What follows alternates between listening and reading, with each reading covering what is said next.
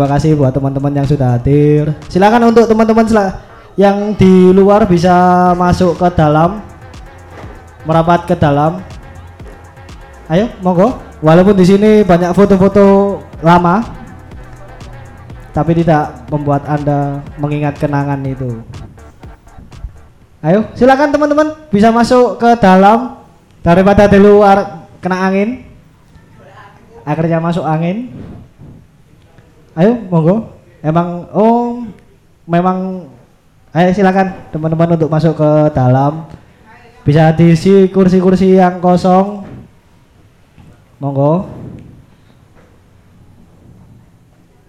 Isin isin arek ya sini. Oh, isin.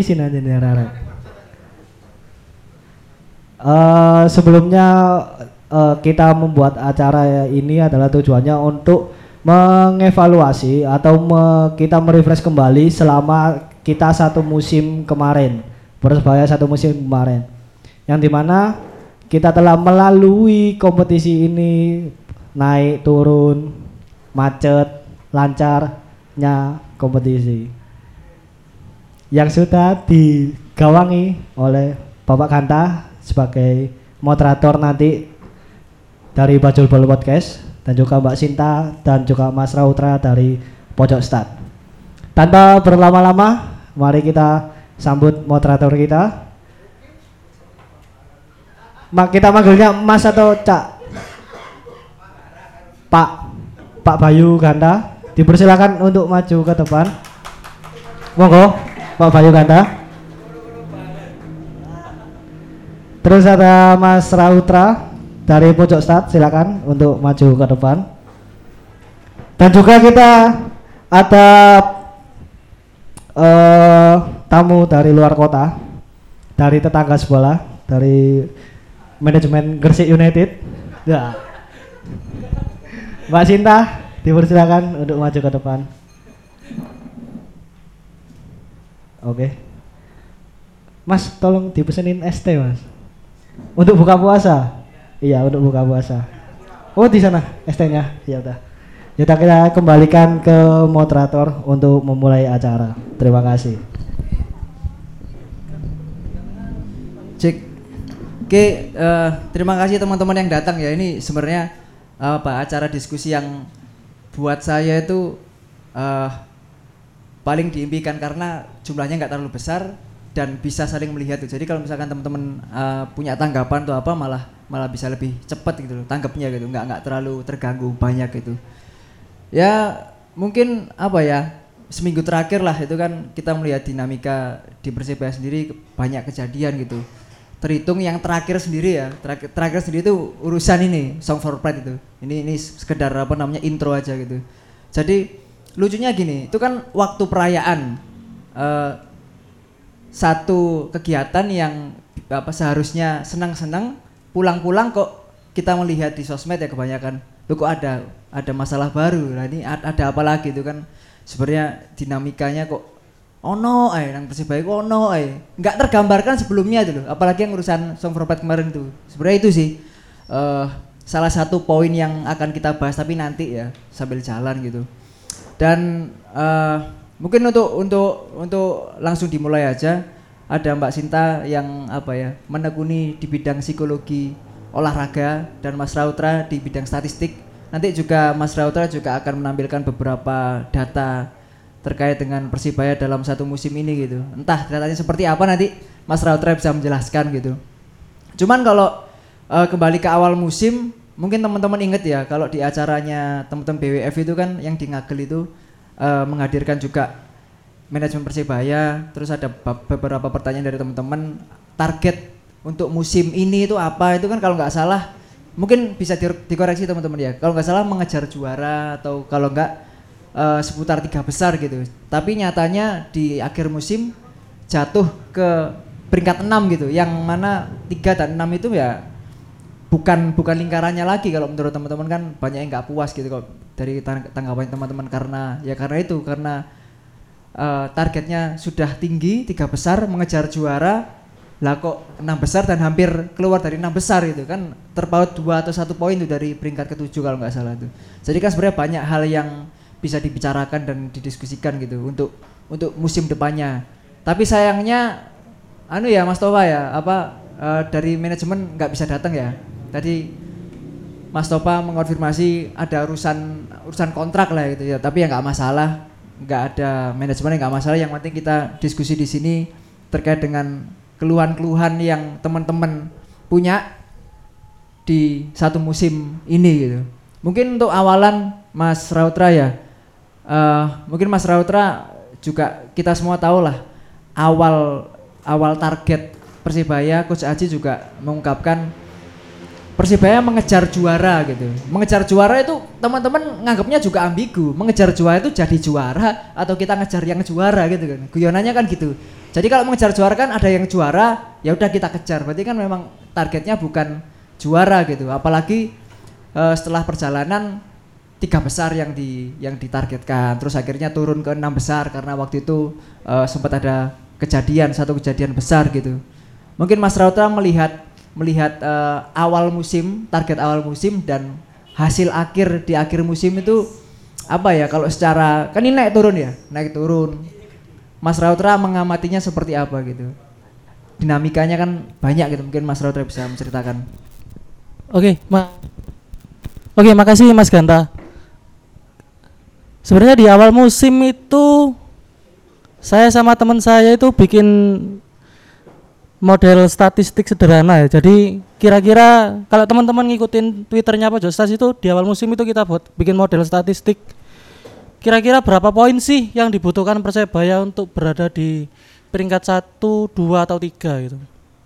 Karena balik lagi ke pertemuan yang ada di BWF itu ada frase yang dikeluarkan oleh pihak manajemen ya. Ini ini bisa benar bisa salah mungkin saya bisa dikoreksi juga soal kata-kata tiga besar gitu ya. Nah di situ kemudian jadi pemantik kira-kira berapa poinkah yang bisa dibutuhkan gitu.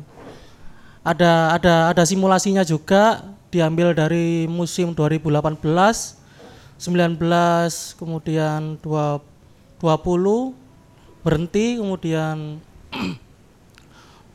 yang dua-dua nah itu terlihat bahwa Persebaya sebenarnya butuh poin sekitar 50-an 52 atau 53 gitu itu untuk naik ke ya tiga besar asa itu sebenarnya masih ada ketika Persebaya menang beruntun itu gimmick berapa ya? Saya agak lupa itu gimmick berapa. Pertengahan itu, pertengahan. Nah, pertengahan. Hmm.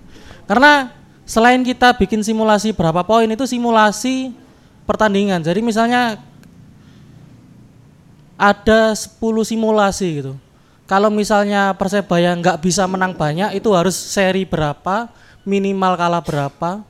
Dan kalau misalnya bisa menang banyak itu harus menjaga hasil seri berapa, kalah berapa. Itu ada di twitternya Pak Ustadz ada itu ada 10 simulasi dan sampai pertandingan sebelum sebelum sebelum pertanding dua pertandingan terakhir ini itu masih sebenarnya masih ada asa untuk mengejar. Ada model terakhir model paling bawah itu persebaya masih bisa punya tabungan. Kan kalau nggak salah persebaya ada iya tabungan ya tabungan apa pertandingan tunda tunda itu. Itu sebenarnya bisa tapi kemudian entah terjadi kekalahan yang sangat disayangkan kekalahan beruntun itu akhirnya memupus. Sebelum musim selesai akhirnya udah udah bisa ketebak bahwa persebaya nggak akan pernah bisa masuk ke tiga besar. Itu sih mungkin awalnya iya uh, ya ini kan kalau membicarakan tentang apa uh, squad kan juga pasti tentang pemainnya ya pemain dan beberapa pemain persebaya di musim ini juga uh, apa ya rata-rata umur itu ya masih muda lah masih muda rata-rata ya rata-rata itu dibandingkan klub lain kan mungkin ada dua atau tiga klub yang menyamai hampir menyamai persibaya gitu. Yang lain ya sudah tua-tua gitu. Dan terkait dengan pemain muda ini kan ini uh, penanganannya kan juga macam-macam tuh. Karena ya secara emosi juga masih sedikit labil terus secara pengalaman juga belum banyak gitu. Apalagi ketika di masukkan dalam kompetisi Liga 1 yang ya teman-teman tahu sendiri dan atmosfer dari Persibaya itu sendiri kaitannya sama teman-teman bonek terus uh, apa tuntutan atau standar dari bagaimana menjadi pemain Persibaya gitu.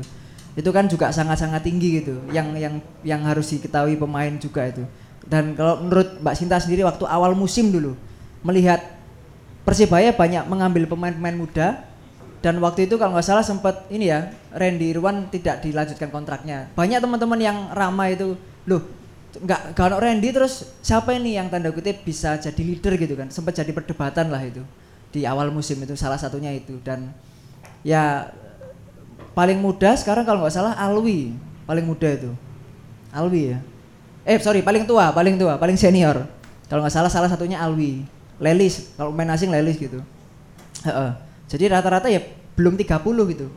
Belum 30 gitu. Sedangkan ada beberapa pemain senior yang eh, tidak dilanjutkan kontraknya kan 30 ke atas dan secara pengalaman sudah memang sudah punya lah. Mbak Sinta waktu melihat awal musim itu dinamikanya apa? Ketika Persibaya mengetahui Persibaya banyak mengambil pemain muda gitu. Apa yang waktu itu dilihat wah ini bakalan seperti apa ini. Sebenarnya waktu dari awal Persebaya ngumumin nggak ada Mas Randy itu sempat saya pribadi sempat mikirnya nanti yang jadi leader ini siapa di tim karena kalau kita lihat dari musim-musim yang lalu perannya Mas Randy ini kan bukan hanya sebatas kayak kapten ya, tapi kan juga ya sesepuh, ya panutan, ya yang bagian ngemong kan gitu. Terus sebelum-sebelumnya juga kita bisa lihat kalau teman-teman yang pemain-pemain muda ini bisa sharing sama Mas Randy. Lah sedangkan di musim ini ketika Mas Randy nggak ada, terus awal-awal main sudah kelihatan wah ini kayaknya belum nemu yang sosok leader yang benar-benar bisa mimpin pemain paling cuman hanya sebatas kapten sedangkan yang dibutuhkan untuk cabur beregu seperti sepak bola itu kan bukan hanya kapten tapi juga leader. Atau kalau misalnya kapten dia juga harus bisa jadi leader. Mungkin itu sih mas. Dan eh, beberapa an- apa awal musim kan jadi kaptennya kan Alwi ya Alwi. Terus sempat waktu itu eh, kapten kedua sempat siapa namanya Lelis terus siapa lagi. Terakhir terakhir sekarang ketika Zivalinti masuk Zivalinti yang jadi kapten. Jadi kan ya mungkin nggak tahu ya di dalam seperti apa ya. Jadi apa ya pemilihan kapten 1 2 3 itu kan sebenarnya penting tuh.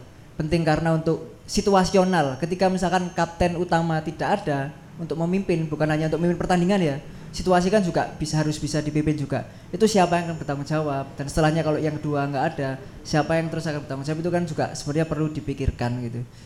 Mungkin kembali ke Mas Rautra ya. Ini kan sempat Coach Aji beberapa kali bilang terkait dengan eh, beliau itu salah satu pelatih yang tidak terlalu apa nggak tahu orangnya ngomong percaya atau tidak terlalu anu ya melihat statistik gitu. Padahal kan secara apa ya kalau tim sepak bola apalagi tim sepak bola apa eh, masuk ke ranah sekarang ranah modern statistika juga diperlukan ya gitu. Sedangkan coach Aji juga malah tanda kutip melawan berlawanan dengan itu. Padahal itu ya sebenarnya bisa membantu dia bukan malah mengalahkan gengsinya itu. Kan sebenarnya tu- tu- apa tujuannya statistik kan membantu tim pelatih ya. Tapi yang nggak tahu lagi eh, coach Aji punya pandangan lain tuh gimana Mas Rautra? Kalau melihatnya ada pelatih seperti itu dampaknya apa nanti di tim gitu loh? Ketika ini ada nih data statistik sakmene akeh tapi yo yo tim pelatih atau coach Aji sendiri nggak nggak mau atau nggak mau tahu gitu. Oke, eh, saya kasih gambaran football analytics secara umum dulu ya, biar biar ada jembatannya buat ke sini gitu. 9293 awal mula Liga Inggris rebranding jadi Premier League itu, itu pernah kejadian juga ketika kalau teman-teman ini ada yang pakai jersey MU ya, ketika Sir Alex Ferguson itu ngejual Jeb Stam. Nah, ada suatu case menarik di situ. Jadi ketika Liga Inggris itu kerjasama dengan Opta Analis, jadi kerjasama dengan penyedia data gitu. Tim-tim Liga Inggris ini dikasih gelondongan data yang belum diolah. Gampang-gampangannya data Excel, kayak gelondongan. Setelah kemudian Sir Alex Ferguson ini kemudian melihat data itu, itu ngelihat bahwa Jeb Stam ini dengan usia yang segitu itu menurun performanya. Dijual lah Jeff Stem ini kemudian dijual. Tapi apa yang terjadi ketika dijual? Dia bersinar di klub se- setelah MU. Nah, yang terjadi di Indonesia saat ini itu sama mirip ketika Premier League awal rebranding gitu. Jadi itu jadi ada selang berapa tahun gitu ya. Kita itu masih di di di era Premier League ketika itu gitu. Ketika ada banyak data yang bisa diakses secara gratis. Kala, karena kan alasan klisenya biasanya klub itu kan data statistik itu mahal. Memang mahal gitu. Tapi ketika ada data yang gratis dan bisa diolah itu kenapa nggak dimanfaatkan gitu. Nah, itu itu itu fase Liga Indonesia saat ini. Dan yang terjadi dengan Coach Saji juga klise juga gitu. Ketika di awal musim sebelum Silvio Junior itu kan ada striker siapa namanya yang Oh, bukan yang yang digaet tapi nggak jadi itu loh. Yang ya yang dirumorkan itu kan. Oh iya. Kita udah dapet nih striker yang eh, sesuai dengan eh, kemauan dia mencetak gol berapa, kemudian dia kontribusinya itu statistik gitu. Tapi ketika berada di match, kemudian kenapa dia eh, menolak perkataannya yang sebelumnya gitu, secara istilahnya kayak denial dengan pernyataannya sendiri bahwa saya tidak percaya statistik gitu. Tapi tapi keputusan-keputusan dia di belakang itu itu keputusan statistik sebenarnya. Mungkin mungkin itu sih gambaran yang saya lihat. Iya kan itu sebenarnya kan ranah ranah di tim ya maksudnya kalau misalkan ada perwakilan dari manajemen kan mungkin bisa menjelaskan apa yang terjadi ketika saat itu gitu. tapi sekarang nggak bisa dijawab ya ya nggak masalah gitu. Jadi kita yang ngawang-ngawang tetap ngawang-ngawang. Tapi eh, apa ya? Ya miris juga melihat beberapa kali persebaya itu eh, mungkin ya kalau ini kan saya mungkin nggak nggak nggak punya berapa kali datanya. Mungkin Mas Rautra mungkin punya. Di musim ini aja lah itu ditambah musim sebelumnya waktu corona itu berapa kali persebaya itu kebobolan di menit akhir 90 plus itu kan juga sebenarnya bisa di di apa ya bisa dijaga bisa dilihat secara statistik kan. Oh menit menit kesekian persebaya rawan gol. Jadi pemain harus hati-hati mungkin ya. Tapi kalau itu hanya dibicarakan secara verbal kurang cukup karena memang pelatih memang harus menunjukkan data ini loh data ke pemain maksudnya. Bahwa kamu setelah menit segini itu banyak kebobolan gitu. Tidak hanya verbal tapi hanya apa, juga ada datanya gitu. Mungkin pemain juga bisa lebih mengerti. Lah mungkin mungkin mas ke- Ma- mas Rautra lagi ya. Terkait dengan ini mas pemahaman pemain itu sendiri dengan terhadap statistik. Itu kan ini kan pelatih. Tadi kan kita ngomong pelatih. Tapi ini kita ngomong pemain terhadap data statistik itu sendiri. Bagaimana mereka itu? Apakah mereka itu memang ya mungkin seperti coach Aji yang enggak enggak mau. Pokoknya aku main anu main apa main enak atau memang mereka juga mempertimbangkan data statistik dari luar gitu. Bukan ada beberapa pemain yang mereka cari tahu tentang dia sendiri itu ada beberapa. Dan ada juga mungkin nanti Mbak Sita bisa menjawab juga terkait dengan klub lain juga nggak masalah. Ini kan secara general pemain di Indonesia seperti apa ya? Pandangannya terhadap data entah itu data statistik atau data apa pun gitu. Jadi eh, pandangan atlet terhadap data sains itu sendiri tentang performa mereka gitu Oke, mau nyambung dulu yang soal apa? Tadi ya. Oke. Ah, oke. Ah, oke. Ini eh, ini teman-teman bisa ngakses di Twitternya Bonek Kampus ya. Kalau misalnya nggak kelihatan, karena ini ini kalau diklik ini keluar data pertandingan ini. Titik-titik ini gol. Ini keluar data pertandingan semua ini. Jadi kalau ini yang merah ini eh, penalti, eh kuning penalti ya ini kemudian gol bunuh diri kelihatan. Hmm. Nah, menit berapa sih eh, persebaya sering kebobolan itu? Di akhir menit, eh di akhir babak pertama, kemudian di akhir babak kedua di titik ini dengan di titik ini itu jadi menit rawan persebaya sering kebobolan. Nah ini kalau misalnya saya juga nggak tahu proses internal tim persebaya gimana, tapi dalam eh, membaca suatu situasi pertandingan pergantian pemain bisa sangat relevan ketika terjadi kebobolan di menit ini dan menit ini. Itu menyambung dari pernyataannya Mas Ganta tadi. Jadi kalau ngomongin soal pemain apakah dia mengenal data atau enggak itu balik lagi ke konsep dasar literasi ya. Jadi saya mau tarik lebih jauh lagi soal konsep dasar literasi. Salah satu dari delapan konsep literasi itu ada ada satu poin yaitu tentang numerical literasi. Banyak dari kita bukan hanya pemain sepak bola itu sangat fobia dengan matematik ya. Ada yang merasa fobia dengan matematik ya. nah itu nggak itu itu itu yang kemudian menjadi uh, ya? menjadi barrier dan menjadi seperti oh nggak apa-apa saya nggak tahu matematika karena yang nggak tahu matematika itu bukan cuma saya gitu itu kayak pembenaran gitu pembenaran itu. Nah itu yang kemudian terjadi di masyarakat kita gitu. Kenapa kemudian numerical literasi itu nggak terbangun dengan baik karena kita punya masa lalu yang buruk dengan matematik ya di sekolah atau di mana pun. Itu yang kemudian membentuk kita kalau pemain sepak bola akhirnya ya sudah sepak bola itu olahraga fisik gitu. Bukan olahraga soal angka gitu. Itu yang terjadi saat ini gitu pak. Tapi yang uh, perlu digarisbawahi kalau memang itu menjadi catatan itu bukan harusnya bukan salah pemain gitu. Itu itu soal sistem pendidikan kita gitu karena itu mengamini bahwa kita uh, ya itu tadi sangat tidak pede dengan matematik itu mungkin itu itu itu dari saya.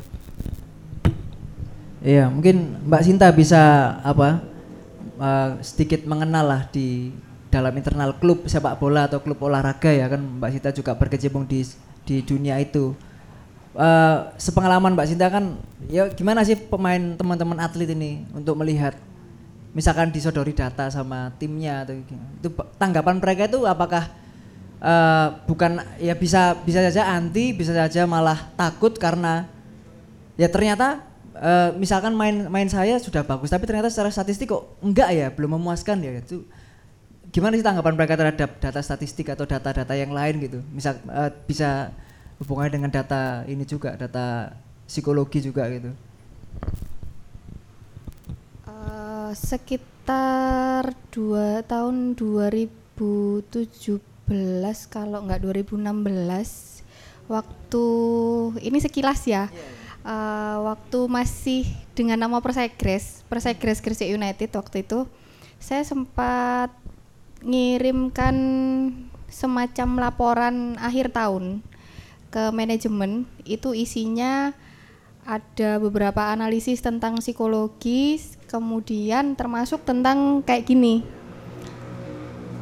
Mereka kebobolan itu di menit-menit berapa aja. Terus di situ di bawahnya saya kasih analisis secara psikologi sekilas, kayak misalnya fisiknya turun atau mungkin karena regulasi emosinya yang belum waktu itu masih sebatas itu Cuman karena memang kondisi manajemen memang lagi oleng, klub juga lagi oleng, jadi sama sekali nggak ada tanggapan sampai akhirnya kembali dengan nama Gresik United. Cuman kalau untuk teman-teman pemain sendiri, kebetulan saya sudah lumayan lama kenal sama beberapa teman-teman. Kendala yang paling kelihatan rata-rata dari teman-teman pemain itu tidak paham dengan istilah sains. Jadi misalnya kalau statistik mereka angka itu bisa baca.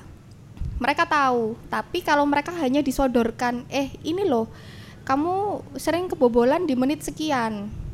Hanya hanya dibilang gitu, tapi mereka nggak dijabarkan.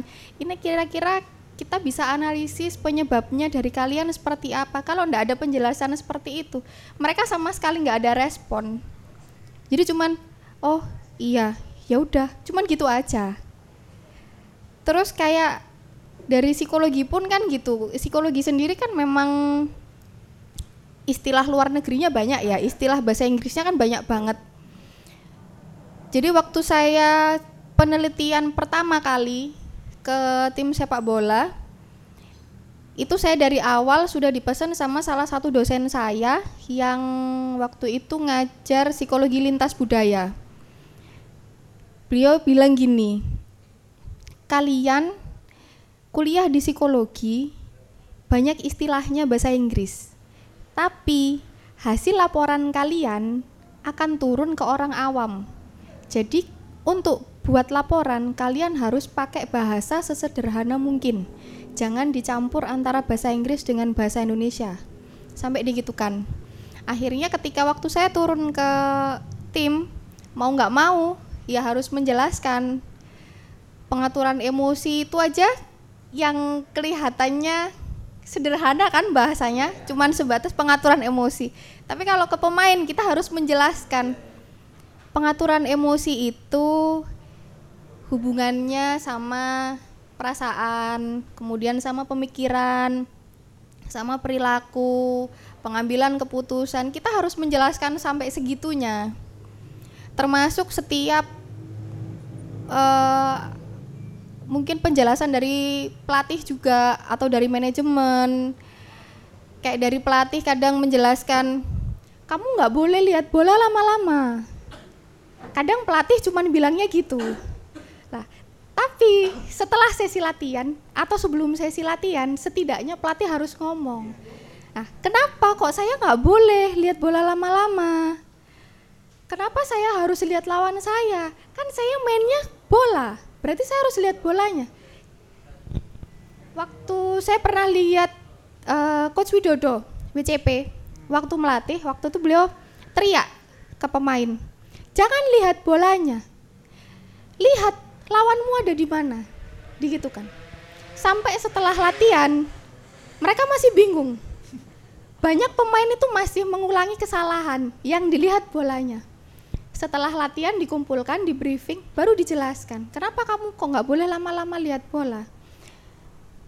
Kamu kalau fokusnya ke bola kamu nggak bisa lihat pergerakan lawanmu ke mana. Kamu tidak bisa memposisikan kamu harus mengoper bola ke mana.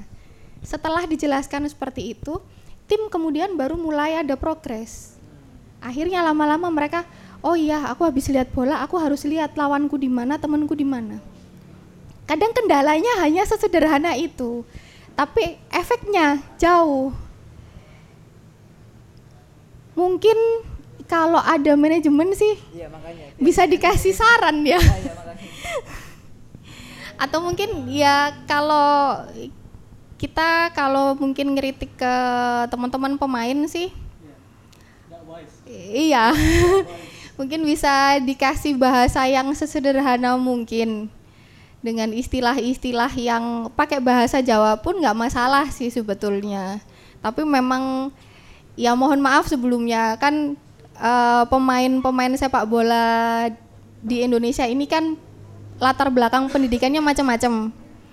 Ada yang mungkin hanya lulusan SMP atau SMA atau ada juga yang kuliah tapi kuliah juga kadang juga jarang masuk kan gitu karena aktivitas latihan dan bertanding kan gitu ya jadi untuk beberapa istilah benar-benar harus dijelaskan yang sangat sederhana. Dan itu PR banget termasuk buat Persebaya kalau saya lihat dari pemain ya sama. Saya juga ada yang kenal di Persebaya. Sebelumnya juga sempat sharing juga kendala pertama tentang leader tadi, terus kendala kedua yang dianggap senior ini bingung menjelaskan ke adik-adiknya gimana mereka harus memposisikan ketika di lapangan maupun di luar lapangan kayak waktu masih gabung sama lingkup timnya. Mungkin itu sih Mas. Ya, jadi se sebenarnya sederhana ya, sederhana tapi sevital itu gitu. Karena itu kan apa ya? Bisa dibilang bisa dibilang dasar ya. Dasar untuk itu berkembang untuk untuk memahami sesuatu yang disampaikan. Contohnya tadi dari pelatih maksudnya apa? Loh, pemain masih belum bisa menerjemahkan dengan baik gitu. Jadi ya mungkin itu salah satu tugas dari sebenarnya dari manajemen untuk membuat sistem bagaimana pelatih dan pemain itu bisa saling sinkron dan tidak kesusahan untuk saling berkomunikasi ya. Ini kalau urusan urusan, urusan apa urusan taktik gitu ya. Terus belum lagi kalau ada satu kejadian-kejadian di internal tim yang uh, konteksnya bukan strategi malah konteksnya malah konteks bukan konteks apa ya konteks environment konteks lingkungan misalkan ada ketegangan itu kan juga pasti berpengaruh kan.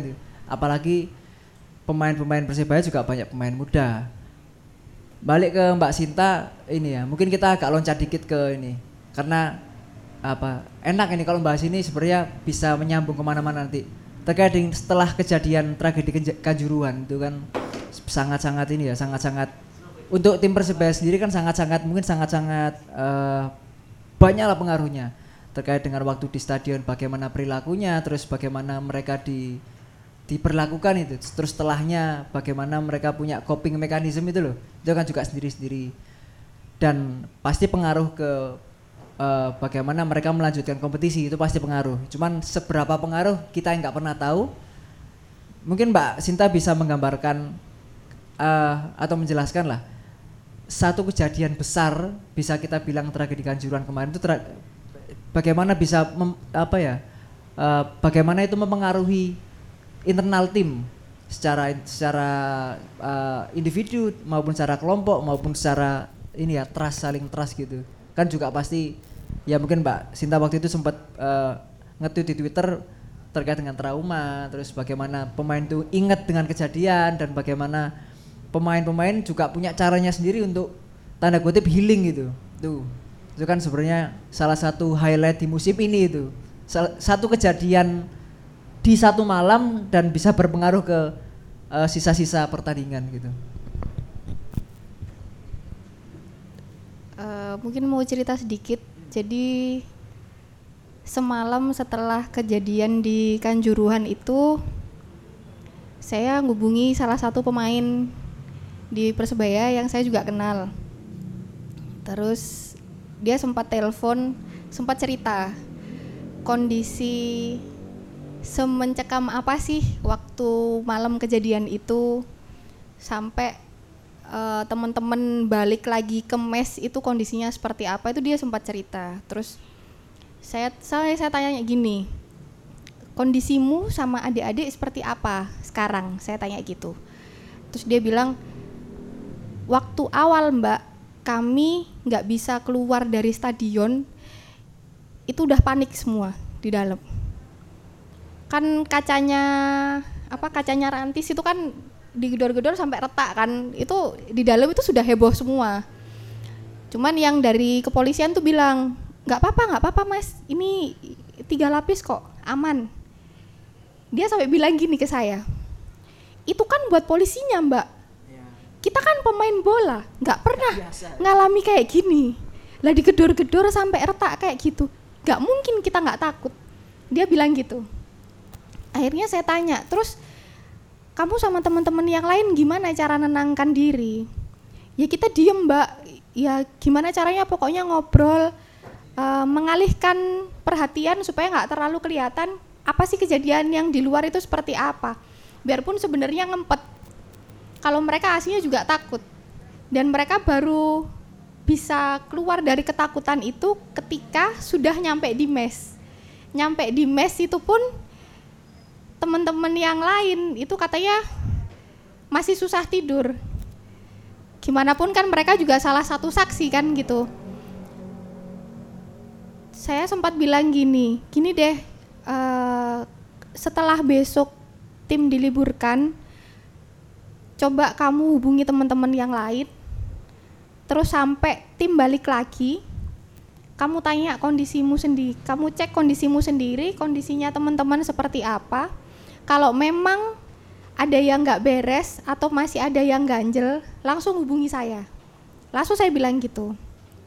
Terus waktu itu saya sempat ngirimkan eh, modul psikologi yang saya buatkan untuk Koni Gresik. Kebetulan memang ada materinya tentang coping strategi atau tentang healing. Saya sempat ngirimkan itu, saya bilang kalau ada yang nggak paham, langsung hubungi saya kapan pun, mau malam mau pagi terserah.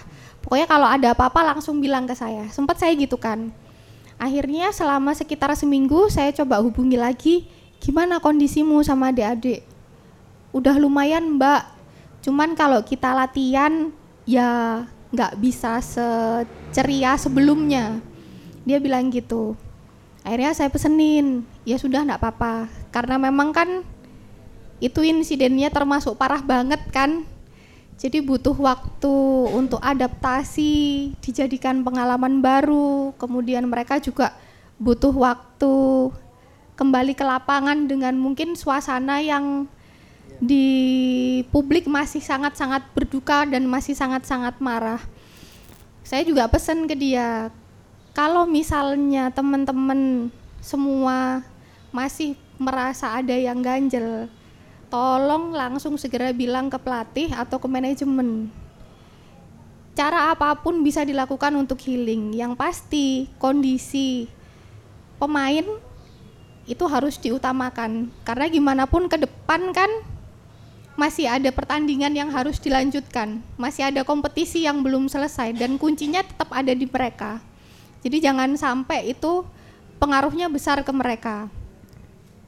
Dan alhamdulillah kan kita lihat ya progresnya sudah lumayan bagus setelah mereka juga sudah healing jadi ya alhamdulillah sampai akhir musim meskipun ada gejolaknya juga tapi ya lumayan lah dianggap sebagai pengalaman. Jadi kalau trauma di sepak bola memang besarnya segitu mas. Terutama untuk atlet karena mereka juga ada resiko. Selain untuk supporter ya kalau teman-teman supporter kan uh, mungkin pas lagi tawuran itu kan paling trauma sudah menghindari itu. Karena masih bisa pindah ke yang lain. Sedangkan atlet mereka harus betul-betul bisa menyembuhkan diri. Karena ada tekanan dari kontrak. Mungkin itu sih sebagai gambaran aja. Iya iya. Apa ya? Ya itu juga yang misalkan ada yang dari manajemen juga bisa kita apa ya tanyakan bagaimana kondisi eh, pada waktu itu gitu. Tapi ya mungkin sudah dijelaskan di HA di mana?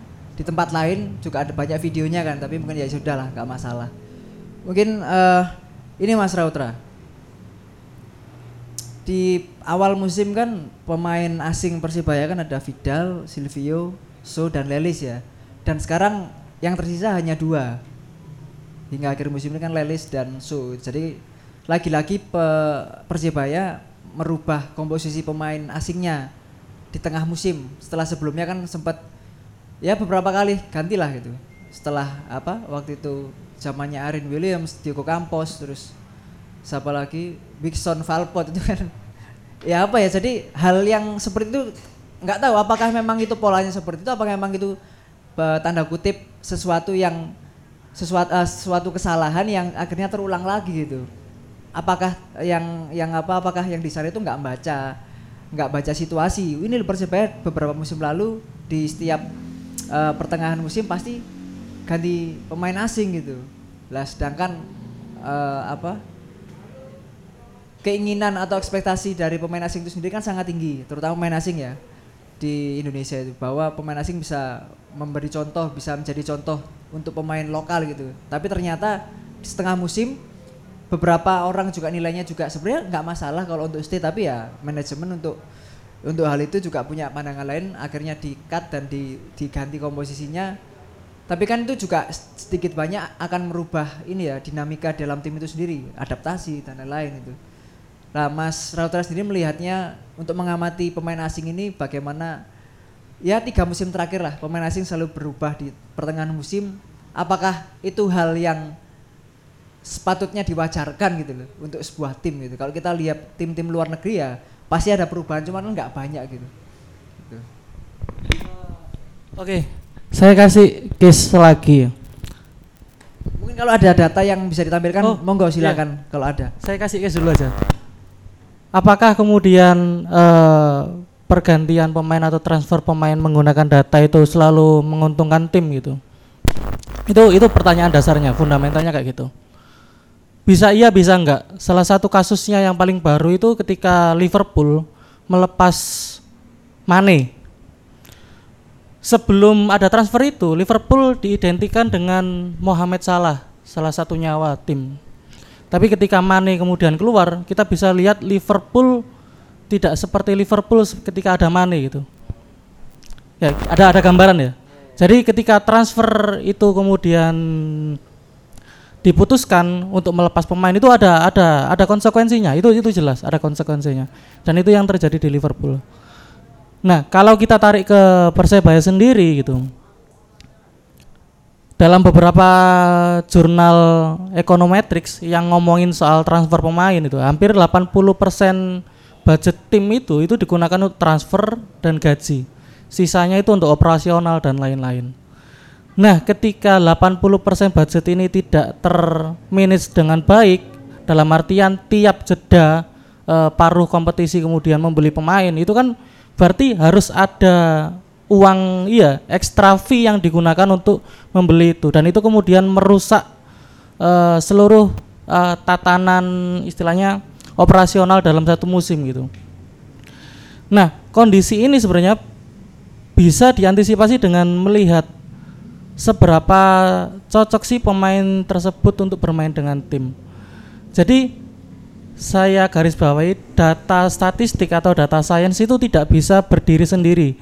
Dia itu ada rangkaiannya. Jadi ketika misalnya eh, kenapa pemain A itu kemudian bagus di Liga A, tapi ketika pindah di Liga B di klub B itu dia buruk, itu karena mungkin variabelnya dia tidak cocok dengan strategi tim, dia tidak cocok dengan kultur tim cara bermain dan lain-lain. Jadi data sains atau data statistik itu tidak berdiri sendiri gitu. Jadi dia ada variabel lain yang mengikat gitu. Ketika memang oh Persebaya ini dalam beberapa tahun terakhir selalu bermain dengan pakem 4-3-3 atau 4-2-3-1. Artinya ada dua winger yang selalu bermain dalam sebagai nomor 10 gitu. A, kalau melakukan pembelian harus bisa melihat bahwa apakah pemain ini bisa bermain seperti nomor 10 kalau tidak kenapa harus dibeli gitu? Misalnya kayak e, perpindahan dari Bruno Moreira dan Marukawa, duet nomor 10 menurut saya duet nomor 10 winger nomor 10 paling baik Persebaya pasca naik ya. Kemudian diganti dengan Igor Vidal yang dia bukan winger, dia lebih midfield dan lebih dalam bermainnya. Kemudian ada e, So gitu. Dan yang sisi kanannya itu ditempati oleh Supriyadi dan Nuvian Dani yang secara kualitas istilahnya tidak jauh beda dan sering ber, sering bergantian gitu. Pattern pergantian pemain Kosaji itu kan kalau nggak Supri ya Novian Dani gitu. Ya, ya patternnya kan kayak gitu gitu. Nah itu kan bisa dilihat gitu. Oh kalau memang Persebaya butuh pemain nomor 10 di era di sisi flank, ya udah kita cari dengan budgetnya katakanlah budgetnya 10 dolar, ya kita cari pemain-pemain 10 dolar yang masuk radar yang dia bermain sebagai nomor 10 gitu bukan bukan bukan ada pemain yang dikenalkan oleh agen tiba-tiba ujuk-ujuk yeah. lihat video dan diterima gitu. Atau uh, karena kedekatan oh, aku ada pemain nih kamu mau nggak? Ya, kayak kayak gitu gitu. Jadi yang dibutuhkan tim itu kayak gitu. Salah satu ini metode metode yang dilakukan oleh Monci Monci itu salah satu uh, dia direktur tekniknya AS Monaco. Jadi pola transfernya itu dibalik. Kalau di Indonesia itu kan pemain datang dikenalkan agen atau dikenalkan calo ke tim. Nah kalau di Eropa, AS Monci itu ngomong, saya butuh pemain A di sisi A yang berlari setiap musim selama 100 km, kemudian dia punya uh, skill seperti ini, dia dia karakter ini, tolong dicarikan budgetnya sekian. Nah itu seperti itu, jadi di, jadi disesuaikan, dimasukkan radar siapa yang paling cocok, ketika sudah dimasukkan radar ada lima pemain katakanlah itu kemudian dijajaki kontraknya. Kemungkinan nggak kemungkinan nggak. Kalau nggak ada kemungkinan alternatif lain yang masih sesuai dengan radar itu. Itu itu itu kondisinya saat ini. Kalau di persebaya sendiri di internal saya kurang tahu. Cuman sebagai orang yang berada di luar kondisinya memang tidak baik-baik saja kalau terus mengandalkan pola seperti ini akan membeli pemain baru di pertengahan musim gitu. Iya iya. Ya ibarat main football manager kan seperti itu ya. Kebutuhan apa? Jadi muncul semua ini apa nama-namanya. Saya jadi tinggal milih gitu. Ya kalau di sini kan mungkin kebalikan gitu. Tapi ya gimana ya kita nggak nggak pernah tahu apa yang prosesnya itu masalahnya itu. Ya itu apa fungsinya kalau ada manajemen kan kita bisa tanya. Sebenarnya awal musim waktu itu waktu acara BWF pernah ditanyakan sebenarnya. Cuman nggak tahu apa sudah teman-teman sudah terpuaskan dengan jawaban atau belum. Tapi pada akhirnya kan juga ganti juga di tengah musim gitu. Itu sih. Jadi ya apa ya kalau pemain pemain asing sendiri juga eh, menarik juga karakter bermain pemain itu sendiri cocok nggak sama Persebaya gitu. Yang Persebaya itu ya definisi ngeyek ngoselwani sebenarnya itu kan cuman judul ya. Harus didefinisikan lebih jelas ngeyel itu seperti apa, ngosek seperti apa, wani seperti apa itu sih. Jadi nggak ya apa ya ya menarik juga kalau mau pemain asing gitu. Pemain asing juga kontraknya juga eh Su baru diperpanjang ya. Lelis kabarnya tapi nggak tahu lagi kabarnya bakal dilepas. Jadi ya tinggal Zi Valenti Su dan nggak tahu Paul Victor itu jadi atau enggak gitu. Jadi kan berarti ada kuota pemain lagi dan kabarnya juga ada kuota pemain ASEAN. Itu kan juga merubah lah gitu. Nah, itu. Ya ya gini apa format pemain asing di Liga Indonesia kan setiap musim pun nggak pakem gitu. Juga kadang pemain juga bingung apa sorry manajemen juga bingung sendiri. Kita mau ngontrak juga nggak tahu gimana formatnya. Itu juga itu yang yang harus di iya kan memang seperti itu. Jadi pemain yang dicari ya mungkin bisa seadanya karena waktunya mepet bla bla bla itu ya. Tapi memang itu tugas dari manajemen ya gitu konsekuensi gitu. Itu. Mungkin nanti eh, satu teman-teman ada pertanyaan nanti kita lanjut setelah maghrib. Kita break maghrib dulu tapi sebelum break maghrib mungkin ada satu pertanyaan dari teman-teman terserah terkait dengan apa ke Mas Raut atau Mbak Sinta gitu. Nanti kita lanjut setelah break maghrib gitu.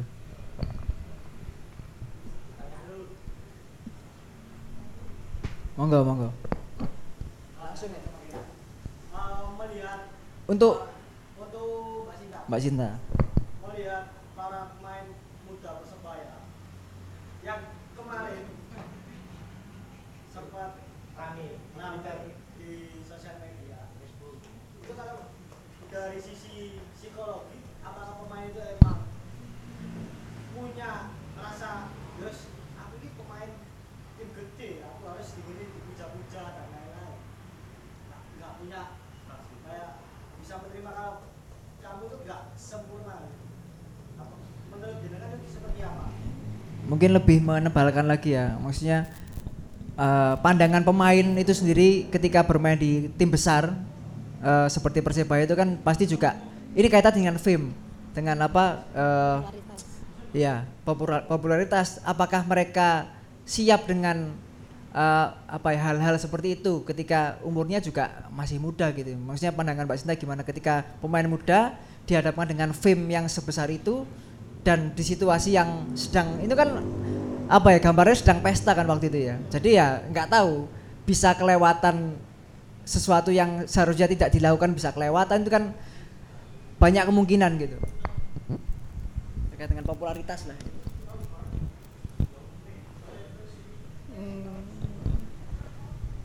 Karena Persibaya ini kan akan berjalan dengan pemain muda gitu. Jadi ketika misalkan masalah strategi itu sudah selesai, ada hal lain yang belum selesai yaitu adalah masalah emosional itu juga bisa mengganggu perjalanan tim juga. Khawatirnya seperti itu untuk musim depan. Masalahnya gini-gini lagi, jadi kan harus bisa diantisipasi seharusnya ya. Eh, intinya sih kalau dari saya lika-likunya tim dengan pemain muda itu nggak jauh beda dari itu. Ada aja kelakuan yang ajaib. Mungkin itu, tapi eh, hal paling dasar sih sebetulnya kalau di sini itu kan semacam sekali dia udah kelihatan oh dia ngegolin pas lagi di masa-masa kritis langsung dipuja kayak gitu. Ada beberapa pemain terutama mungkin pemain muda yang belum terbiasa dengan kondisi seperti itu, dia akan cepat naiknya. Atau bisa dibilang dia akan mengalami star syndrome. Dia merasa, "Oh, aku udah banyak yang puja, aku udah banyak yang ngefan. nggak apa-apa, nggak masalah." Nah, di sisi lain, dia juga sama manusianya kayak kita yang seharusnya sama-sama belajar untuk mengatur emosinya baik itu dari segi pikiran perasaan yang dampaknya bisa ke perilaku. Yang jangan sampai merugikan dirinya sendiri dan orang lain kan gitu. Kalau kejadian yang kemarin kan yang dirugikan Ya dirugikan bukan orang lain tapi kan klubnya sendiri yang dirugikan kan gitu. Kemarin sebenarnya kan termasuk hal dasar ya. Dan dia juga nggak nggak setahun dua tahun ya? Eh du- berapa tahun? Dua tahun ya? Yang ya ada pemain yang sudah lama. Nah, kan maksudnya kan nggak nggak sebentar kan sebetulnya. Dan itu sudah termasuk di identitas klub. Kalau sampai kebobolan kayak gitu dan dia bisa pakai alasan saya merasa terganggu. Saya keceplosan seperti itu. Saya rasa itu akan kembali menjadi kesalahan individu. Karena dia belum bisa mengatur emosinya atau perilakunya dengan baik.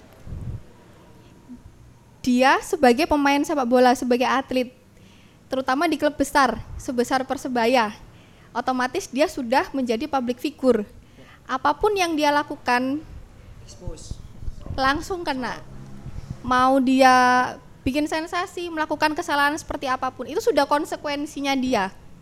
Tapi bukan berarti terus oh berarti aku aku nggak bisa mengeluarkan sisiku yang sebenarnya. Bukan bukan seperti itu, tapi kembali dia harus bisa mengatur perilakunya. Dan sebenarnya kemarin Iya, iya. agak kecewa waktu di video minta Iya, iya. maaf. Iya, iya. Kok cengengesan ya? Iya, iya. Mungkin itu juga fungsinya, mungkin untuk ke depannya ke- fungsinya ini ya ada tim psikolog di dalam tim ya. Maksudnya bisa, ya bisa menanggulangi itu, itu kan bisa ditanggulangi dengan dengan baik secara internal ya, nggak perlu yang lah ya nggak ngerti kan. kan bisa kan kalau misalkan ada ya. Misalkan kan bisa diantisipasi biar nggak seperti itu. Itu itu kelihatan sih. Maksudnya ketika ada dan tidak ada seperti apa penanganannya. Ketika penanganan langsung video klarifikasi itu kan berarti loh jembatannya nggak ada nih. Langsung klarifikasi. Jadi pengen selesai masalahnya. Berarti kan sebenarnya bukan utamanya bukan masalah masalahnya selesai bagaimana pemain ini ya akhirnya tahu bahwa yang mereka lakukan ini ya nggak benar gitu. Itu dulu masalah klarifikasi itu bisa ketika mereka benar-benar sadar kalau gini kan hanya sekedar klarifikasi belum tentu mereka ya nggak tahu ya. Sadar mungkin sadar cuman ya aku ya apa mana ya kayak gitu ini banyak banyak banyak anu lah banyak apa banyak konteks juga sih gitu. Padahal Mas Yahya dulu waktu pertemuannya BWF kan Ah. bilang katanya ada disiapkan. Wah, ya, ya yang- mungkin nggak standby, masih ingat kan? iya iya iya kan Yang bilangnya di- gitu. Soalnya saya yang nanya waktu itu. tapi ya makanya itu kan bisa ditanyakan ketika misalkan di sini tapi ya mungkin next time gitu ya teman-teman bisa ngadain apa waktu lagi gitu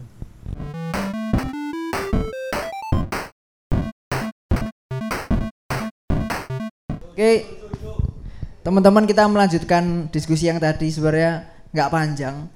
Eh ini sebelum apa berakhir nanti kesimpulan ya dan nanti teman-teman boneka boy juga ada kesimpulan sendiri terkait dengan bagaimana persibaya di satu musim ini. Mungkin teman-teman tadi sudah menyiapkan beberapa pertanyaan yang ingin ditanyakan ke entah itu Mbak Sinta atau Mas Rautra.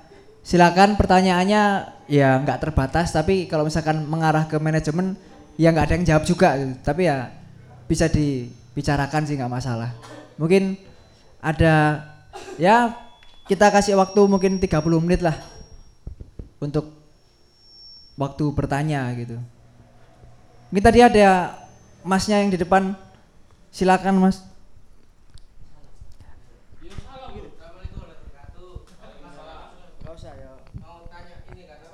siapa? Ke siapa? Nama nim. Nggak usah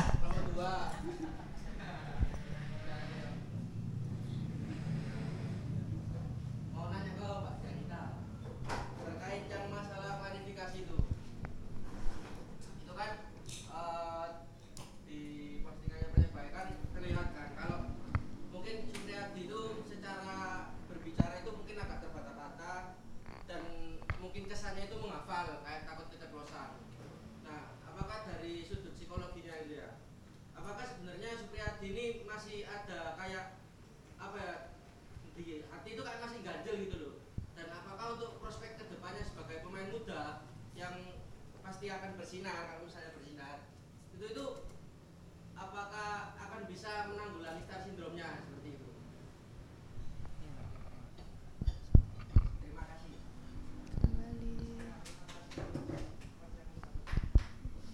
Kalau untuk mengatasi star syndrome itu sebetulnya balik ke pribadinya masing-masing ya Mas ya. Cuman kalau statusnya dia masih di klub, entah itu di Persebaya atau nanti di klub yang lain,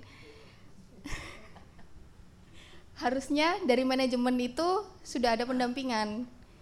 Dan paling minim sebelum kemarin mereka melakukan klarifikasi, harusnya ada pendampingan dari manajemen di briefing dulu. Nanti apa yang harus kamu omongkan setidaknya eh, enggak jangan sampai keceplosan dengan ekspresi ataupun kata-kata yang mungkin akan kembali membuat sensasi. Kalau kemarin kan kita kita lihat sendiri ya maksudnya ekspresinya dia pas terakhir-terakhir kok kayaknya kok cengengesan kesannya koyok nggak nyesel kan mungkin ada pemikiran seperti itu. It- itu yang memang seharusnya juga jadi tanggung jawabnya manajemen sih. Gimana mereka negurnya kemudian ngasih penjelasan kesalahanmu di sini. Kenapa kok itu jadi termasuk hal yang salah? Seharusnya dari awal sudah dijelaskan itu sama manajemen sejak teguran pertama. Tapi ternyata kok kemarin langsung klarifikasi dengan dalam kondisi yang baru selesai meeting ya terus selain itu mungkin bisa dibantu sama lingkungan sih. Kalau dari lingkungan tim maupun yang sekitarnya si pemain itu bisa memberikan support supaya dia bisa lebih baik lagi. Bukan bukan nggak bisa kalau nanti dia bisa jauh lebih bersinar. Atau mau dilohan ke GU aja tah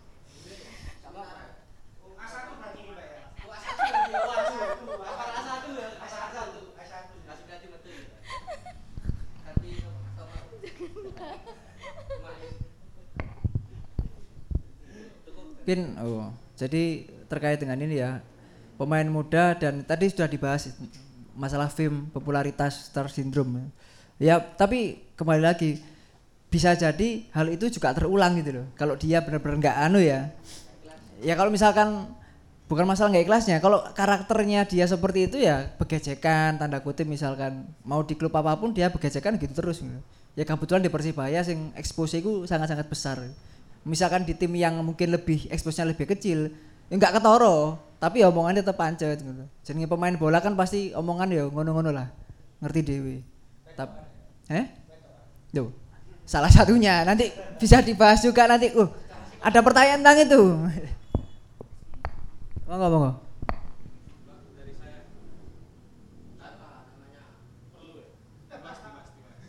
Mbak Mbak Dim. Oh, ini yang namanya Mbak Dim itu.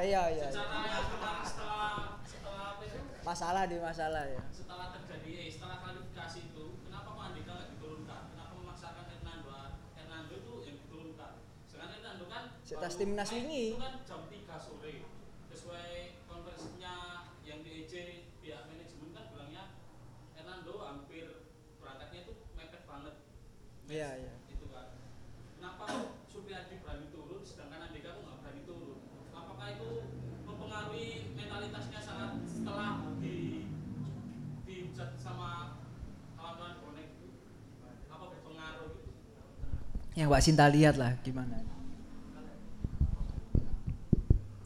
Kalau nggak salah kemarin Dika sempat bilang dia dihujat sampai keluarganya ya. Eh, berarti kemungkinan besar alasan dia tidak diturunkan salah satunya karena itu. Di sisi lain untuk jaga mentalnya dia setelah kejadian dihujat, terus dia melakukan kesalahan juga. Terus di sisi lain karena pertandingan terakhir otomatis kan pengennya juga hasilnya manis. Sedangkan sebelumnya Dika sempat melakukan kesalahan. Tapi ya kalau lihat kemampuan harusnya nggak nggak terlalu ngefek sih memang. Cuman Dika kemarin komennya sudah langsung gitu. Jadi ya memang kemungkinan besarnya lebih baik nggak usah diturunkan daripada dia main kemudian emosi makin parah sih.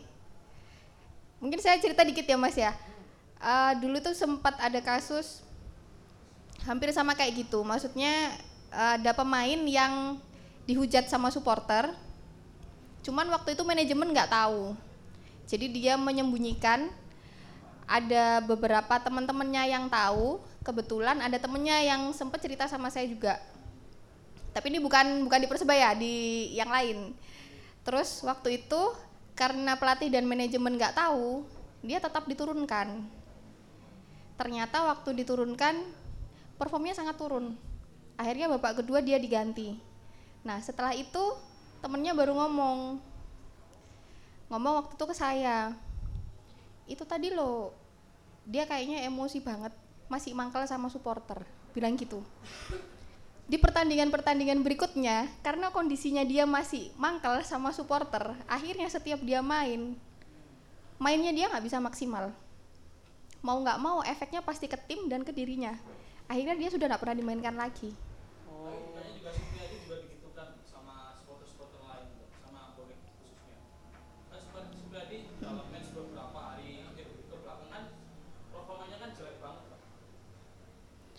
kalau yang tak lihat itu Supri mungkin masalahnya lebih ke sistematis ya. Kalau Dika memang kemarin mencuatnya langsung setelah kasus yang di storynya catur itu baru kebuka kalau dia keluarganya juga ikut dihujat. Lah sedangkan Supri dari perform beberapa waktu sebelumnya juga tetap kayak gitu. Dan itu sama sekali kalau menurut saya pribadi kayaknya kok belum ada perkembangan. Jadi kemungkinan dari manajemen dan tim pelatih kurang supportnya ke dia atau mungkin kurang peka. Harusnya kalau tahu kondisinya Supri sudah seperti itu di beberapa pertandingan dia langsung diberi pendekatan personal. Kamu ada masalah apa? Kamu ada yang kurang atau seperti apa? Harusnya sudah dijelaskan. Jadi pertandingan berikutnya nggak stagnan gini. Mungkin itu sih. Kebutuhannya yang di internal berarti tim nah, kan tidak ada yang itu. Iya, harusnya memang di tim ada psikolog, minim konselor atau praktisi. Cuman masalahnya tim seperti itu tuh kalau sudah masuk di klub itu perannya itu sudah nggak murni psikologi aja untuk atletnya, tapi biasanya juga masuk ke berikan saran ke manajemen atau ke tim pelatih dan lain sebagainya. Biasanya gitu. oh mungkin Mas Satrio oh Mas Rotra mungkin ada tips ya mas buat manajemen barangkali kan nanti manajemen kan ini mau diperteskan sama mas Bang Jumbo barangkali nanti ada yang ini manajemen yang dengerin atau gimana mungkin ada tips biar nggak salah pilih pemain asing lah ya nggak ganti-ganti pemain asing lagi kayak musim-musim sebelumnya Eh, mungkin saya kasih gambaran dulu ya. Ini mungkin dari perspektif football analytics itu saya pernah ngobrol sama coach Rohmat. Iya, gimana sih perkembangan football analytics eh, di Indonesia sendiri ya dari kacamata seorang eh, pelatih yang pernah di timnas juga gitu. Jadi di timnas itu sebenarnya udah ada atau sudah pernah menggunakan data dari eh, provider data luar negeri gitu. Tapi kemudian budgetnya cukup mahal, jadi budget dan kemudian SDM-nya tidak ada yang mumpuni lagi gitu. Akhirnya sistem itu nggak dipakai lagi gitu. Kemudian itu juga berimbas ke tim atau klub Indonesia gitu. Ini yang paling murah ya, saya kasih tahu gambarannya gitu ya. Kalau memang benar-benar tim pro itu Hmm, di Statsbom itu sekitar satu musim itu 1,5 m. Itu untuk data. Di sepak bola itu ada dua data, data event sama data statistik. Data event itu data yang ada. Kalau teman-teman lihat Liga Champions itu ada heat map. Nah, itu itu itu data event, itu data event. Itu beda dengan data statistik. Data statistik itu berapa kali dia nendang, kemudian berapa kali dia mengoper itu data statistik. Nah, dengan eh, infrastruktur dan SDM yang belum siap, itu kemudian berimbas. Kata Rahmat, ngapain kita beli data yang segitu mahal dan belum tentu menjamin kemenangan gitu dibandingkan dengan beli pertandingan. Ini ini ini saya saya saya florkan ya. Jadi biar tahu gambarannya gitu. Jadi eh, ketika kita menuntut tim katakanlah menuntut tim persebaya untuk ayo data statistik ayo eh, anu dan lain-lain gitu. Ketika infrastruktur dan SDM-nya belum mumpuni gitu, mereka kemudian akan kalah dengan tim yang membeli pertandingan gitu. Itu itu coach Rahmat bilang gitu. Nah, kalau untuk saat ini gitu, eh, mungkin yang paling bisa dihindari ya kata katakanlah persebaya ini kan eh, menurut kabar yang beredar itu kan budgetnya minim ya. Ini ini ini bisa salah bisa benar ya. Karena kan kita nggak tahu internal ya. ya. Nah, katanya kan budgetnya minim gitu. Ya, bagaimana mengelola budget yang minim itu untuk membeli yang benar-benar yang dibutuhkan gitu. Bukan karena itu tadi karena koneksi agen lagi balik lagi karena koneksi agen itu nanti akan membongkar gitu. Membongkar pun itu akan ya udah katakanlah budgetnya 100 juta per musim gitu ya. Ketika udah digunakan 80% nggak works di eh, paruh musim itu kan nambah ini, nambah nambah nambah budget itu. Itu yang kemudian ya kita tahu sendiri Valport tuh yang contohnya kayak gitu gitu. Dan ada beberapa pemain yang seperti itu gitu. Ya itu sarannya atau tipsnya saat ini ya support yang dibutuhkan coach Aji gitu loh. Jadi biar nggak ada omongan bahwa coach Aji ini nggak dapat support dari manajemen gitu loh. Karena kalau memang budgetnya minim kan. Jadi apa yang dibutuhkan coach Aji dengan budget segitu diusahakan dengan maksimal mungkin. Dan kalau nantinya itu tidak works lagi, misalnya musim depan juga nggak works kayak musim ini gitu ya. Ya sudah itu tanggung jawabnya coach Aji yang sudah dibekali anggaran sekian, dia harus bisa mempertanggungjawabkan, nggak berdiri atau nggak berada di balik nama manajemen lagi yang nggak ada duit gitu loh. Kalau sekarang kan kesannya Persebaya gak duit duit, ngono. Coach jauh pemain sing apik gak dituruti kan ada kesan kayak gitu kan. Nah makanya sebisa mungkin kalau musim ini eh, ingin works di musim yang ke depan ya itu tadi turut ono coach Aji ngono. Tapi dengan budget yang memang sudah di manage gitu. Ketika nggak works ya udah coach Aji harus berdiri dan mempertanggungjawabkan apa yang dia mulai gitu. Nggak ada urusannya nggak duit duit mana. ya. Kalau ngomongin nggak duit duit apa kabar PSM, skuad PSM kayak gimana? Omong kosong juga kan kayak gitu. eh, makanya kayak gitu sih. Nah, mungkin mungkin itu dari saya.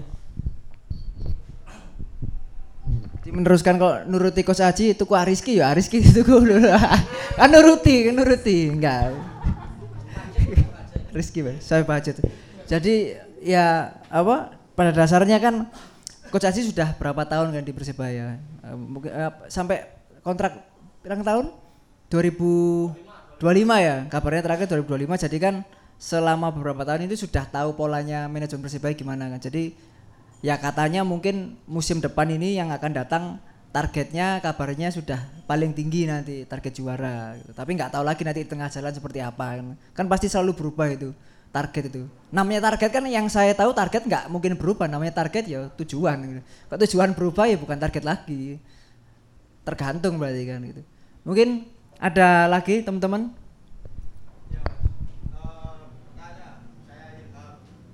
Sebelumnya sebelumnya persebaya di tangan Pak Azrul ini musim depan itu adalah tahun kelimanya Pak Azrul di persebaya untuk Liga 1 lu cari anu cari sesuk wis gak ngurusi.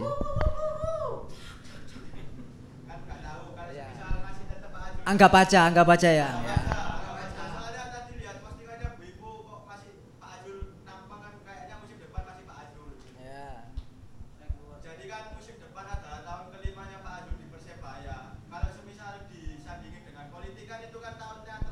24 iya tahunnya presiden untuk pembuktian bahwa memang benar-benar layak lah Pak Azrul ini menang menukangi Persebaya. Terkait hal itu, eh, fenomena Pak Ido di zaman Pak Azrul ini kan seakan-akan mengulang mengulang era Persebaya sebelumnya. Terkait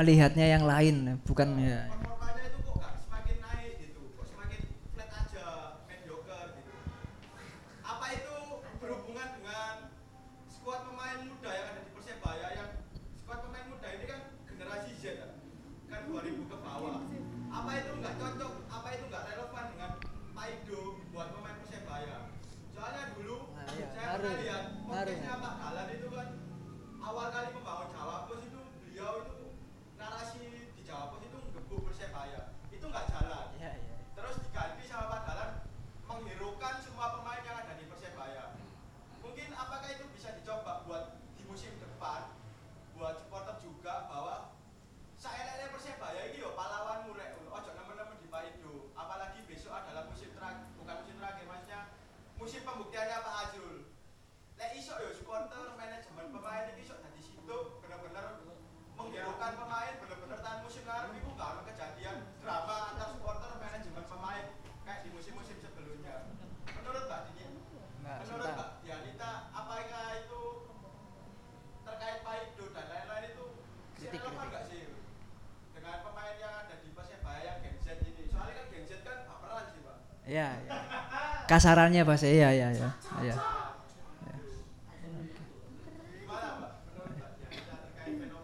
Mungkin tadi Mas Ilham soalnya denger no podcastnya Dalan, gak ngerti no podcastnya tak caci.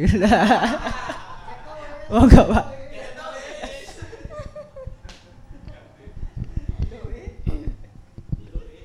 Kalau dari kacamata dari tim psikologi sebetulnya tidak semua yang diinginkan oleh supporter itu perlu dituruti sama tim atau pemain. Kalau dari kacamata psikologi seperti itu. Karena kan lihatnya eh, per individu ya, maksudnya lihatnya dari sisi manusia kita sama aja. Cuman mungkin yang membedakan Gen Z dan yang sebelumnya adalah zamannya. Kalau yang sekarang internet sudah bebas, sudah lancar. Kalau yang sebelumnya mungkin ngasih kritik lewat flare, lewat demo, terus gak lo lek gawang diuyui jare ben menang. terus ada juga yang dulu mungkin kirim kirim kirim bunga terus ada apa ada ucapannya kalau yang sekarang dibilang paido itu lebih kasar yo enggak sih? Dari zaman dulu aku lek maido pemain yo podo ae sakjane Mas. Cuman mungkin arahnya. Kalau yang bisa dilihat bedanya kalau yang dulu ketika pemain yang performnya jelek ya yang diserang dia dan timnya bukan keluarganya. Kalau yang sekarang ada beberapa yang melenceng arahnya ke keluarganya ke pacarnya ke istrinya. Mungkin itu. Terus selain itu pemain yang sekarang ini kan bisa dibilang dapat fasilitasnya jauh daripada pemain-pemain yang dulu. Kalau yang zaman dulu kan susah-susah gitu loh. Lek sekarang kan Heeh, sekarang kan zamannya kan sudah sudah lebih enak semua gitu kan. Jadi anggapannya bocah-bocah ini itu sudah lebih dienakno banget. Nah, tapi ketika mereka wis kadung enak, sudah yang lain sudah dipenuhi.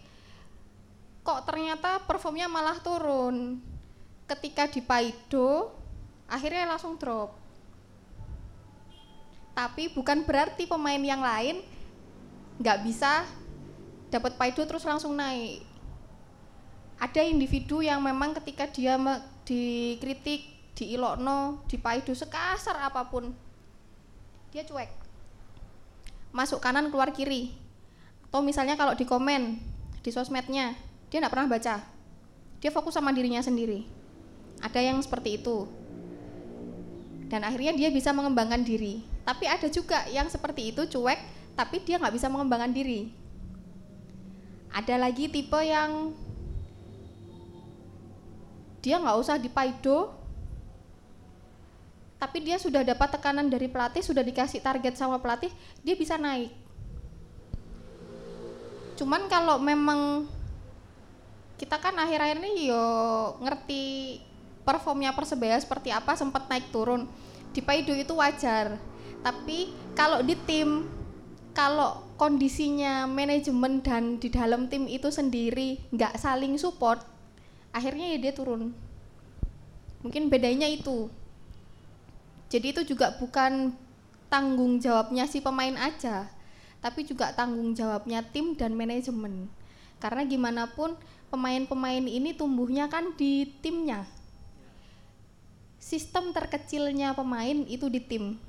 Jadi iklim suportifnya kemudian yang bikin mereka disiplin terus yang bikin mereka bisa berkembang ya timnya kalau ternyata mereka tidak bisa berkembang berarti ada kemungkinan yang salah dari timnya di sistemnya atau dianya yang tidak bisa menerima sistem di dalam timnya.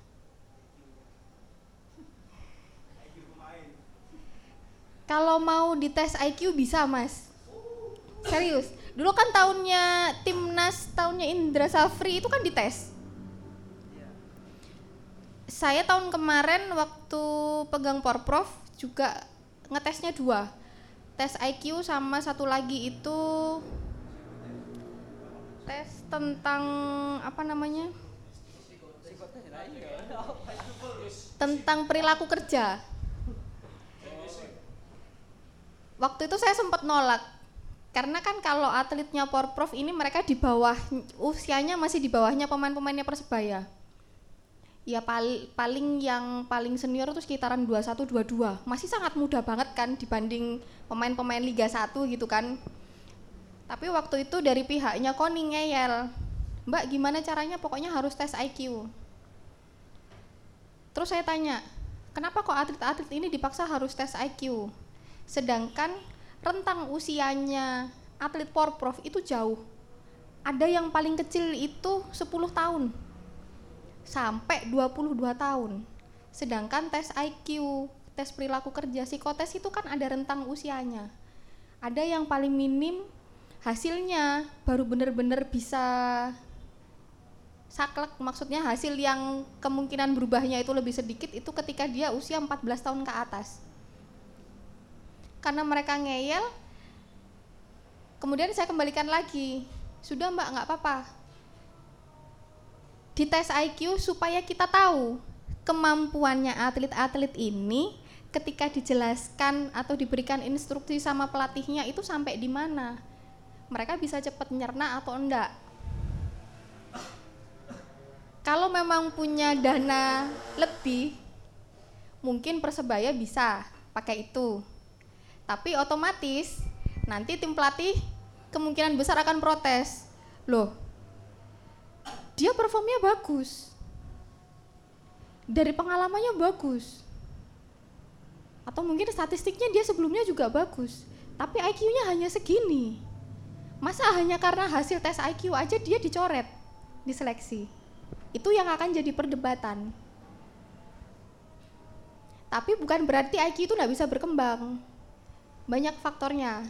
Mungkin kalau teman-teman kemarin ramenya karena Supriya tes IQ aja gitu kan? Karena dia berasa lemot gitu kan? Kita kan nggak tahu ya di, di dalam. Ini maksudnya dia dia yang memang lemot pencerna atau mungkin apa namanya penjelasan dari pelatih atau yang lain yang mungkin kurang bisa dipahami kan kita nggak tahu. Cuman ke depan saran saya kalau memang ada dana berlebih karena tes IQ itu lumayan berat dan hasilnya pasti ada pro dan kontra mending tes perilaku kerja aja karena di situ kelihatan ada kemandirian, kemudian ada leadership dan lain sebagainya. Mungkin itu hasilnya nanti bisa dipakai sama pelatih untuk dijadikan rekomendasi. Oh, dia harus diberikan pelatihan seperti apa. Mungkin itu sih. Enggak, bukan berat. Mak- maksudnya teman-teman jadi ngerti seberapa perlunya tanda kutip bukan tes IQ-nya ya. Eh, untuk tes seperti tes-tes seperti itu, entah tes IQ, tes apa? eh, kerja tadi. Jadi ya memang hubungannya sama pekerjaan itu gimana, tanggung jawab dia sebagai pemain, sebagai atlet itu, kan juga penting. Jadi nggak asal latihan, main, latihan, main kan ya sepak bola kan ju- juga bukan tentang kayak gitu tok gitu. Mungkin teman-teman ada lagi? Oh ya, mana? Gak apa-apa. Ya. Heeh. Mas Rautra. Ah. Iya, ono lagu dong. menurut Mas Mas Laura Iya. itu kan Coach Anji kan track recordnya dulu di Arema kan ingin mengembangkan pemain muda terus akhirnya tidak disupport banyak dari pihak Arema itu jadi akhirnya gagal progresnya dia untuk di Arema untuk membuat pemain muda itu berkembang dan juara itu gagal akhirnya di Persebaya dia difasilitasi seperti itu menurut Masnya itu untuk liga ke depan apa sudah mumpuni untuk pemain-pemain yang sudah sudah diterbitkan sama Coach Aji Contoh. kayak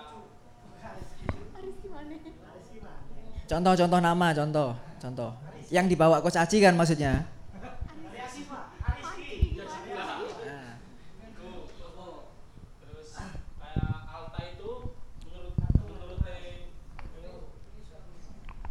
menurut Teh Mas Sautra itu gimana perkembangannya kan Coach Aji ini kan menjalankan apa itu pemain muda kan udah hampir tiga tahun ini tiga tahun ke belakang lah jadi menurut Teh sampai ini nanti ke depannya bisa sesuai target yang diinginkan sama manajemen apa tidak Eh, mungkin gini ya, aku cari perspektif yang lebih dekat ini.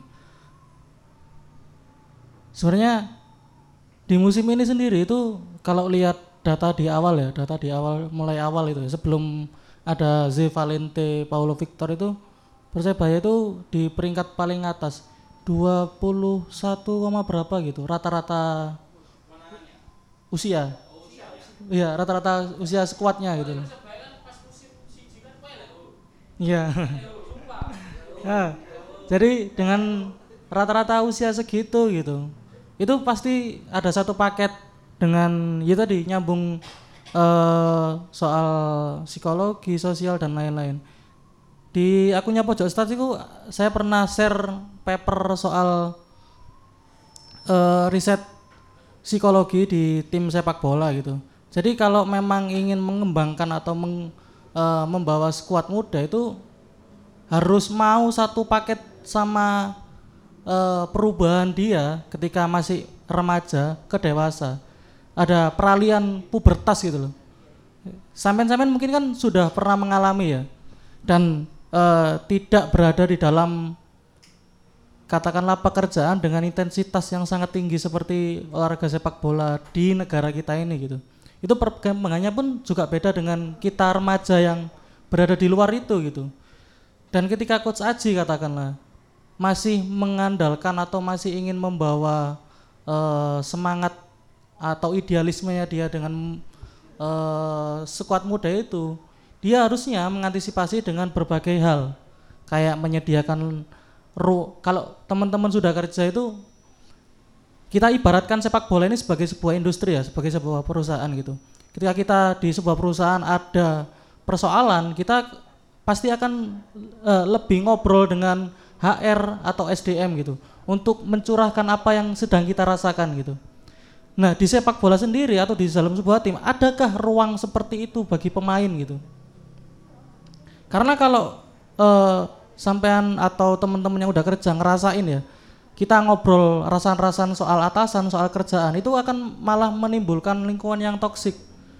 Masalah sampean nggak akan pernah selesai karena nggak ada solusinya gitu. Tapi ketika kita ngobrol dengan HR atau kita ngobrol dengan orang yang memang mumpuni di perusahaan itu dan memang ditugaskan untuk itu gitu, kita akan menemukan solusinya gitu.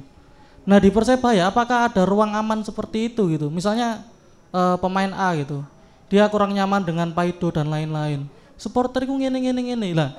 Pernah nggak pemain itu punya ruang aman buat ngobrol itu sebelum obrolan itu keluar gitu loh? Itu itu yang jadi pertanyaan kenapa Andika itu kok bisa sampai meledak kemudian di menurut saya itu anti klimaksnya Andika ketika dia ngobrol keluarga saya itu sedang diancam dan bla bla bla itu sebelum sebelumnya Andika nggak pernah ngobrol ta gitu loh dengan dengan apa dengan manajemen atau dengan anu gitu. Sampai dia itu memendam kemudian amarah kemudian meledak sampai iya kemarin itu kayak jadi momentum dia wah wis gak iso gitu akhirnya kan tan, apa, alam bawah sadarnya itu kan meletup ngi, kok ngene gitu loh. Itu kan rentetan panjang bahwa dia nggak punya ruang aman buat ngobrol itu gitu. Nah itu harusnya jadi satu paket buat Otsaji itu ngelihat. Karena self diri dan society lingkungan itu jadi satu gitu. Kita nggak bisa nutut self sendiri. Or, pemain itu kita nggak bisa nutut dia harus ini A A A B C D D harus kok ngene main nang tim gede kudu ngene. Tapi ketika lingkungannya nggak siap nggak ada katakanlah nggak ada ruang aman dia ketika bleset dan lain-lain itu dan juga ketika pemain itu udah siap lingkungannya itu nggak siap gitu. Itu juga penting gitu. Kita kita hidup dengan orang banyak di tim juga kita nggak bisa menuntut pemain eh, bla bla bla tapi kita nggak bisa di tim internal nggak bisa menyiapkan sesuatu. Kemudian ketika pemain itu siap tapi tim ini nggak nggak punya ekosistem yang baik gitu loh. Ya omong kosong gitu. Mereka akan keluar mencari ekosistem yang lebih baik gitu. Itu sih yang itu jadi PR yang istilahnya nggak nggak akan pernah selesai ketika coach Asi nggak sadar itu gitu. Ego egonya dia kemudian ingin membayar pemain muda itu menurut saya omong kosong kalau nggak nggak mau nompo jenenge arek enom yo pacaran yo dunia malam yo curhat yo ngegame kok Supriyadi iya kadang ono sing main slot ih arek enom pak ngono lho. Lah carane ya apa manage kenakalan-kenakalan arek remaja sing kok ngene iki gitu. Karena usia-usia segitu kan jenenge usia explore gitu. Lah apa yang perlu disiapkan oleh tim gitu? Kalau misalnya cuma dikejar latihan kemudian dituntut berprestasi tinggi ya nggak bisa. Dia manusia kan bukan mesin kayak gitu sih mas mungkin. Terakhir terakhir Mas Ilham nam- nambahkan tadi.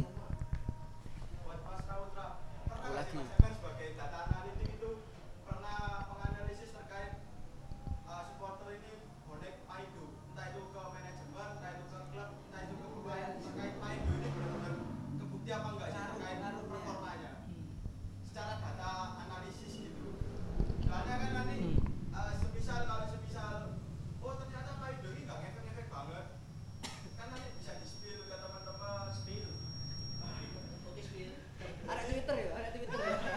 jadi biar nanti anak-anak bola ini pisan-pisan pisan Indo itu ngubah template lah terkait dukungan kakek lain duduk gitu loh terkait po- pola ya itu menghiraukan benar-benar menghirau- menghiraukan persebaya meskipun kemarin itu sudah pernah kemarin kan sempat termasuk platform anak-anak itu menghiraukan pemain terkait penyambutan tapi kan ditutup dengan drama ceredukan-ceredukan jika ada bad mood itu mau Nah, mungkin dari Mas Rautra pernah menganalisis terkait Paido ini, terkait ke pemain, terkait ke manajemen, dan juga secara klub. Dan- Mung- dan- ini mungkin kalau detail kayak gitu belum pernah. Cuman ada salah satu diskursus menarik itu ketika Persebaya bermain di laga UE itu kenapa dia bisa lebih banyak meraih kemenangan dibandingkan dengan laga home? Mungkin berangkat dari diskursus itu ya. Padahal ketika laga home itu kan supporter full. Tapi kok kenapa kalah? Tapi ketika main usiran atau laga UE kok malah mainnya lepas lho. Nah itu pernah terjadi. Diskursus itu kalau ditarik di IPL, Anfield itu salah satu eh, stadion paling tingkat bukan tingkat kebisingan suara itu berapa desibel itu itu sampean bisa nyari itu. Saya lupa detailnya. Itu jika dibandingkan kemudian dengan GBT gitu. Kenapa apa ada yang salah dengan kebisingan stadion GBT dengan performa pemain gitu?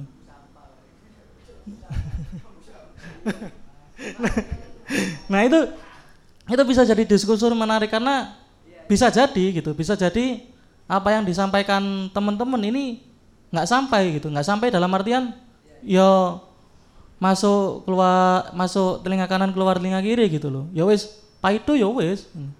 Mereka nggak sampai ke rasa mereka gitu. Nggak sampai ke diri mereka bahwa support itu nggak melulu pujian itu loh ya rasa cinta itu kan nggak melulu aku sayang kamu kemudian ngasih bunga gitu. Kita negur kita nasehatin itu kan rasa sayang kan. Rasa sayang paling besar menurut saya. Ya kan maksudnya kalau katakanlah orang lagi, eh, tim lagi baik-baiknya kita puji kan biasa gitu. Tapi ketika dia lagi down lagi, kalah gitu kemudian kita ya paido kemudian menegur gitu itu kan rasa sayang gitu kalau kita nggak ngapa-ngapain ketika tim jatuh itu berarti kita udah iya kita nggak sayang gitu loh. Kita udah terputus kan. Nah itu yang mungkin rasa itu yang nggak nggak nyampe ke manajemen atau ke tim bahwa ya kita itu kok ingin itu karena sayang awakmu lho. Nggak mungkin ada yang ngejarno awakmu eh, selalu terpuruk gitu. Itu itu bisa bisa berangkat dari situ. Dan kalau mau dihitung pun secara statistik itu jauh lebih banyak kemenangan persebaya ketika laga usiran apalagi yang laga covid itu gokil banget ketika main di Bali itu kok iso main kok ngene loh. daripada main anggone GPD itu kan apa ada yang salah gitu. Itu, itu perlu perlu di didalami lagi sih. Tapi secara emang secara statistik itu terbukti bahwa Persebaya ketika main di laga UE di laga UE kemudian di era Covid itu moncer banget. Mungkin itu sih dari saya buat Mas Roda terakhir ya dari hasil yang telah didapatkan oleh Podostat selama semusim ini dari skala angka 1 sampai 10 angka berapa itu cocok untuk Aji untuk melanjutkan di musim depan Aji Aji Santoso sampai ikut stres Coach Aji Santoso ini Aji Aji Aji apa Aji Which Coach Aji kalau aja karena di awal tidak memenuhi target ya tentu kan harus ada evaluasi yang fair. Menurut saya ya bisa di angka 7 gitu dari skala 10 karena nggak karena 7 itu kalau di, di dinilai kuliah kan KKM ya KKM iya pas. Nanti lulus ya lulus tapi gak api-api banget ya wis. Ngono iku gitu. Karena step stat- statementnya eh kepingin lari apa lari eh eh, tapi kenyataannya kayak ngono ya ya wis iku tujuh dan musim depan adalah musim penghakiman. Ka- karena ya mau apa lagi gitu yang dibutuhkan gitu kan. Udah lima tahun pemain udah diturutin katakanlah dalam tanda kutip musim depan diturutin apa apa yang dibutuhkan lagi gitu. Mungkin ya karena nggak cocok aja atau memang strateginya coach Aji dengan Thomas Doll Luis Mia itu ya wis karaten ya kita harus jujur gitu. Hmm. soal bertahan itu kan soal kedekatan dia dengan manajemen. Kita harus fair juga gitu. Ada faktor X di luar sepak bola yang harus kita lihat kenapa kemudian PSS Sleman berani merekrut Seto lagi dengan performa yang seperti itu? Ada romantisme apa gitu kan? Di luar sepak bola maksudnya ya? Di luar performa di lapangan. Itu sih. Angka 7 dari KKM Oke mungkin untuk anu ya terakhir penutup saya mau cerita sedikit. Eh, apa nonton home persibaya itu di GBT di GJS sama sekali ketika saya datang gak pernah menang. Iku loh temenan temenan cuma lawan PSM tok PSM kan nggak dihitung lawan Madura United satu-satu Persija terakhir kemarin GCS malah kalah. Iki aku gak usah nonton wis. Berangkat ke Sleman kecuali waktu away di Sleman ya. Itu menang karena saya nggak masuk, saya cuma jaga di, di depan stadion. Berarti kan ya nggak boleh masuk ya udah. Kalau begitu rumusnya saya rela nggak masuk. Enggak ono. Enggak. Ini nang jopo ae. Enggak cuma sekedar intermezzo. Mungkin Bapak Topa silakan ditutup.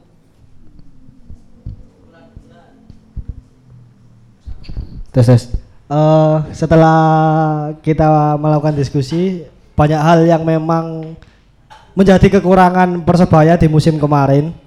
tentunya hal-hal seperti ini harusnya bisa didengarkan oleh manajemen secara langsung.